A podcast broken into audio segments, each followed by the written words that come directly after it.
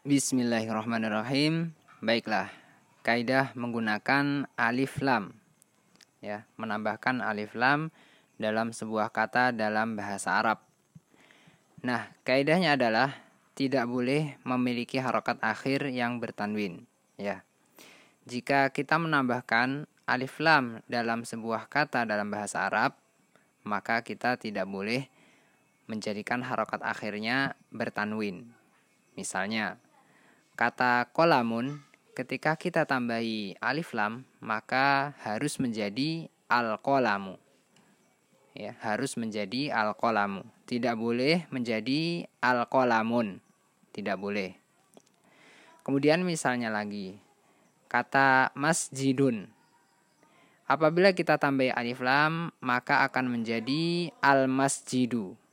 Maka akan menjadi al masjidu. Bukan al-masjidun ya, bukan al-masjidun. Baiklah, ini kaidah yang ringkas semoga bisa dipahami dengan baik. Barakallahu fikum.